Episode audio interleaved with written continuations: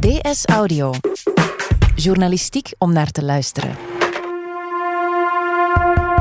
Ze is er, eindelijk, na de langste onderhandelingen ooit. De nieuwe Vlaamse regering. Ze schaft de woonbonus af. Ze gaat de drempel voor nieuwkomers verhogen. Ze laat een Vlaams Kamem opstellen. En ze stapt uit Unia, het gelijke kansencentrum. Over al die plannen zal de komende dagen nog veel gediscussieerd worden. Maar intussen gebeurde, vrij geruisloos, al iets heel erg belangrijks.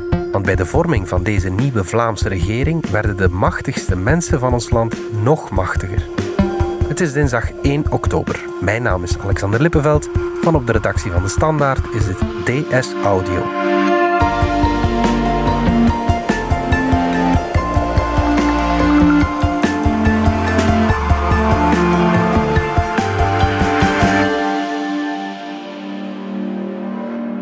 Ja, dankjewel. Goedemorgen is het allemaal. Ik ben eh, heel eh, blij eh, dat wij u vandaag het, eh, de vrucht van onze vele weken werken kunnen voorstellen. Ik ga daar een woordje uitleg bij geven. Nieuwkomers, hoog basisinkomen, financiële bijdrage, vooruitgang, nog beter. Guy Tegenbos, oud-wedstrijdjournalist van De Standaard en veteraan van vele oorlogen. We hebben net naar de lancering van de regering Jan Bon gekeken. Wat is jou opgevallen? Wel, ten eerste, ze doen het in het eh, majestueuze kader van het Herenhuis. Ja, En knap. niet in, niet in, eh, in een normale persconferentiezaal. Dat betekent iets, dat betekent dat ze het plechtstatige van hun eh, akkoord toch wel willen beklemtonen. Ja. Twee, wat ook opvalt, is de, de, het glunderen van eh, Jan Jambon, hè, de, de tiende Vlaamse regeringsleider. Eh, ik herinner mij nog de persconferentie van de N-VA waarin hij vergeten te zeggen was dat hij kandideerde voor het eh, federale premierschap. ja, dit voorjaar. Ah ja, en de partijvoorzitter fluistert mij in dat ik eh, uitdrukkelijk moet zeggen dat ik kandidaat eerste minister ben. En dit was niet echt een glunderend dat hij dat zei. Nu glundert hij helemaal. Ja. Het derde wat opvalt is... eh, hij wordt ook geflankeerd door de echte macht. hè. Dus de echte macht in dit land en ook in Vlaanderen zit bij de partijen en bij de partijvoorzitters. De particratie in al haar glorie zit daar bijeen. Ja. Dus drie partijvoorzitters die hem flankeren. Eh, rechts eh Gwendoline Rutte van Open VLD. Maar links vlak naast hem eh Bart de Wever, de partijvoorzitter van de NVA. Die aanvankelijk aan de Antwerpenaars gezegd had... ik geef mijn burgemeesterschap op Ja. en ik ga minister-president van Vlaanderen worden. Maar dat dan uiteindelijk toch weer niet doet. En dan helemaal links eh, Wouter Beke van CD&V. Van Rutten en Beke wordt al een hele tijd gefluisterd dat ze minister worden. Dat zal de komende uren moeten blijken. Maar wat onthoud jij nu al, meteen na die persconferentie? Ja, twee dingen. Eén, eh, het nadrukkelijk mikken op en links en rechts. We leggen de lat hoog in alle domeinen van onze samenleving. We moeten op sommige punten moeten we socialer worden. Maar we doen dat uitdrukkelijk op een manier dat iedereen mee kan. Op heel veel punten worden we harder tegenover werklozen, harder tegenover migranten. Het toegangsticket zal wat duurder worden, Dat is punt één dat eh, sterk naar boven komt. maar ene keer als je in onze samenleving ingeburgerd bent en je bent lid van de samenleving, dan zal dat ook volwaardig iets zijn. Maar punt twee is de blik naar het noorden. Ja. Die Jabon van bij den beginnen had aangekondigd. Wij kijken naar boven, eh, letterlijk, maar ook figuurlijk, naar de voorbeeldlanden, de Scandinavische landen, Nederland. En we willen met deze deelstaat, met deze regio vooruit. Dat wil zeggen dat Nederland en de Scandinavische landen de gidslanden worden voor Vlaanderen. Ja, Ze zijn dat al vaak geweest, maar nooit zo nadrukkelijk als dit keer. oké. ja. En dat is toch wel het meest opvallende. Ehm, dat zijn ook landen met een, een veelpartijendemocratie. Dat, eh, Ja, wat bedoel je daar juist? wel, een veelpartijendemocratie betekent dat je coalities moet vormen Ja. eh, om te kunnen regeren. En dat maakt het altijd moeilijker. Ja, Maar die landen hebben ook wel eens moeilijkheden om coalities te vormen. Die hebben ook wel eens een minderheidsregering en zo. Maar hun bestuur gaat veel meer door als goed bestuur, beter bestuur. Terwijl bij ons het bestuur, de kwaliteit van bestuur, toch eerder ja. hooguit middelmatig te noemen is. Hè?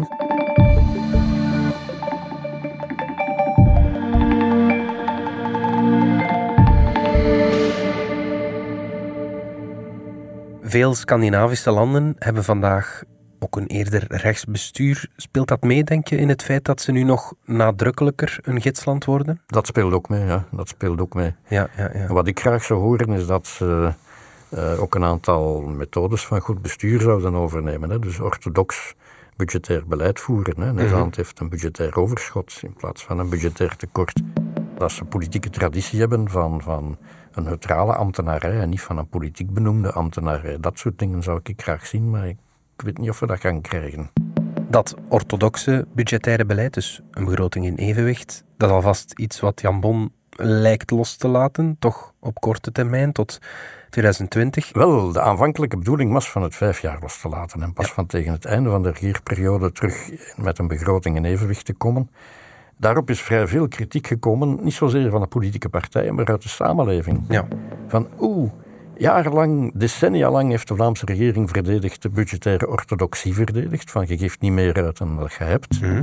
En ja, nu was dat plan verlaten en was het goed genoeg dat men tegen 2024, het einde van de regeerperiode, terug uit het rood zou zijn. Maar die kritiek is er gekomen en blijkbaar hebben de, de partijvoorzitters zich eh, naar die kritiek geluisterd. ja. En is de beslissing nu dat men tegen 2020, 2021 terug in het eh, zwart moet zitten, in de zwarte cijfers, niet in de rode cijfers moeten zitten.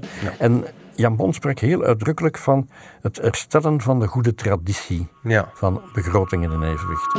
Dus de boodschap is toch wel overgekomen en de oude orthodoxe begrotings... Het goede huisvader. het goede huisvaderprincipe is, is teruggekeerd. Dat is goed nieuws.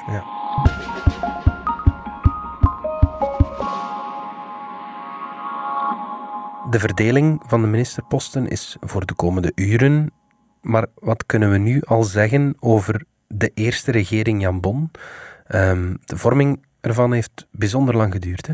Ja, en dat is eigenlijk een, een heel slecht teken. Dus ik ken Ja. geen enkel federaal land waar men gelijktijdig deelstaatverkiezingen en federale verkiezingen organiseert. Nee, Bij ons doet men dat wel, gek, maar bon. dat maakt dat. Wat is het logisch gevolg? Het Ja. logisch gevolg is dat je van die situaties krijgt, zoals op een speelplaats. Hè? Mhm. Als ik met jou niet mag meespelen in dit spel, dan mag jij met mij niet meespelen in dat spel. Ja. Dus dat was het, het N-VA probeerde te verhinderen dat er een federale regering zou gevolgd worden zonder haar. Ja, En heeft dan een, een maand lang eh, de zaak geblokkeerd als een soort van breekijzer. als een soort van breekijzer. Ja, ja, ja, ja. En nu heeft ze dat eigenlijk wel laten liggen. Ja, oké.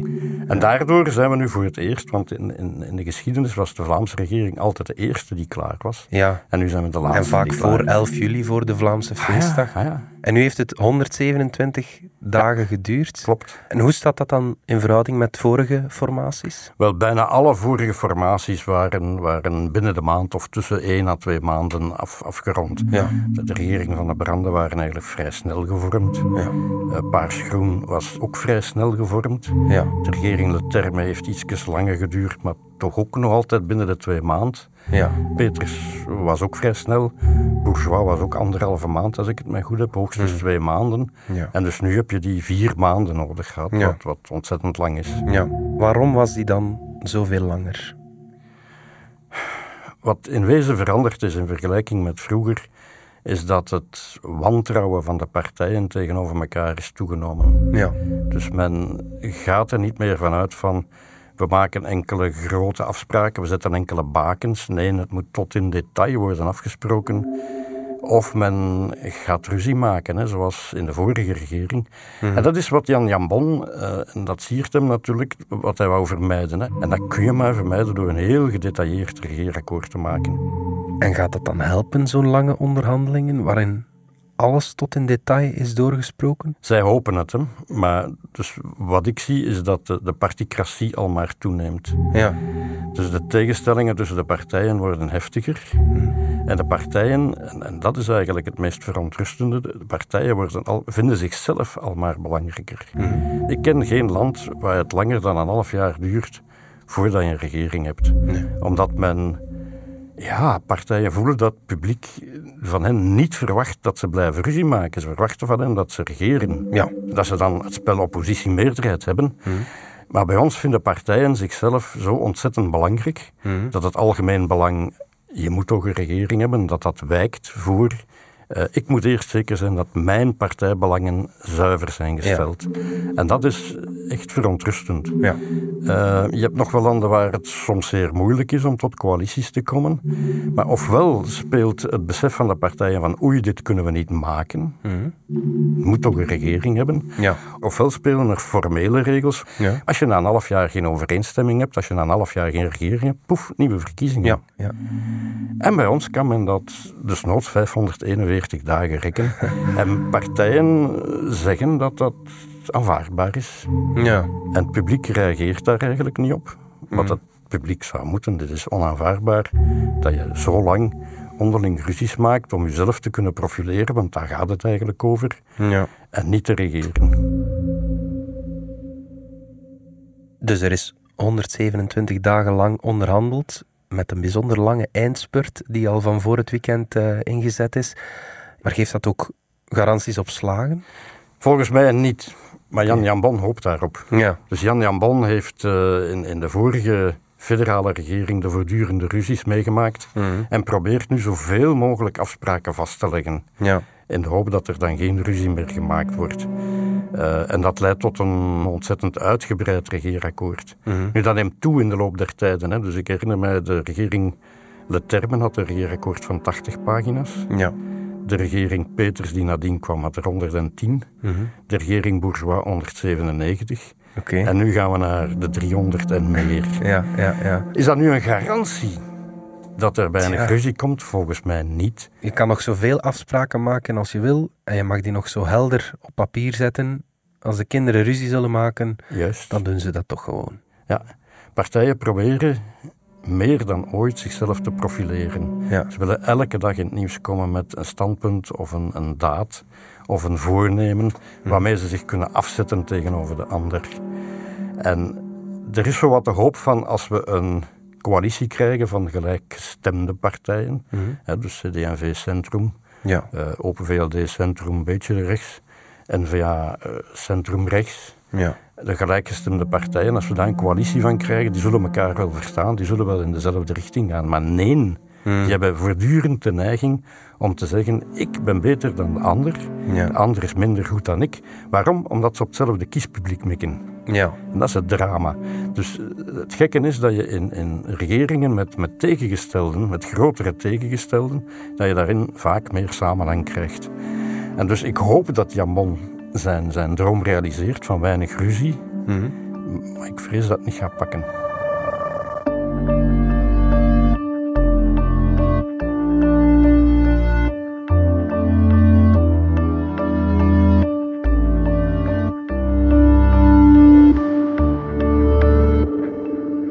Heel veel profilering, zeg je, een strijd om aandacht. Traditioneel lag de focus meer op de federale regering dan op de Vlaamse. Als een aantal partijkopstukken nu Vlaams minister gaat worden, zoals verwacht wordt, gaat dat dan veranderen? Soms geeft eh, het politiek bestel de indruk van, van de Vlaamse regering of de deelstaatregering, en dat is de tweede keus. Ja. Eh, de werkelijkheid is eigenlijk een beetje anders aan het worden. Hè? Dus na de laatste staatshervorming is het gewicht van het politiek gewicht en het budgetair gewicht van de deelstaten is groter dan van de federale staat. Dus in de federale staat kun je eigenlijk niet veel meer doen. Veel beleid kun je dan niet meer voeren. Een beleid, echte beleid voer je vandaag in de deelstaten. Ja. En dat is de reden waarom die, die kopstukken meer en meer naar de deelstaten willen. Je hebt periodes gehad dat dat, dat ook het geval was. Hè. Dus als ik mij de regering van Van Branden herinner, de eerste regering van Van Branden in 1991, dan zijn de politieke kopstukken van die tijd, Vivina de Meester, Luc van den Bossen, Van den Branden zelf enzovoort, zijn die naar de Vlaamse regering getrokken uit het federale weg. Ja. ja. Dus dat wisselt wel eens, dat wisselt wel eens.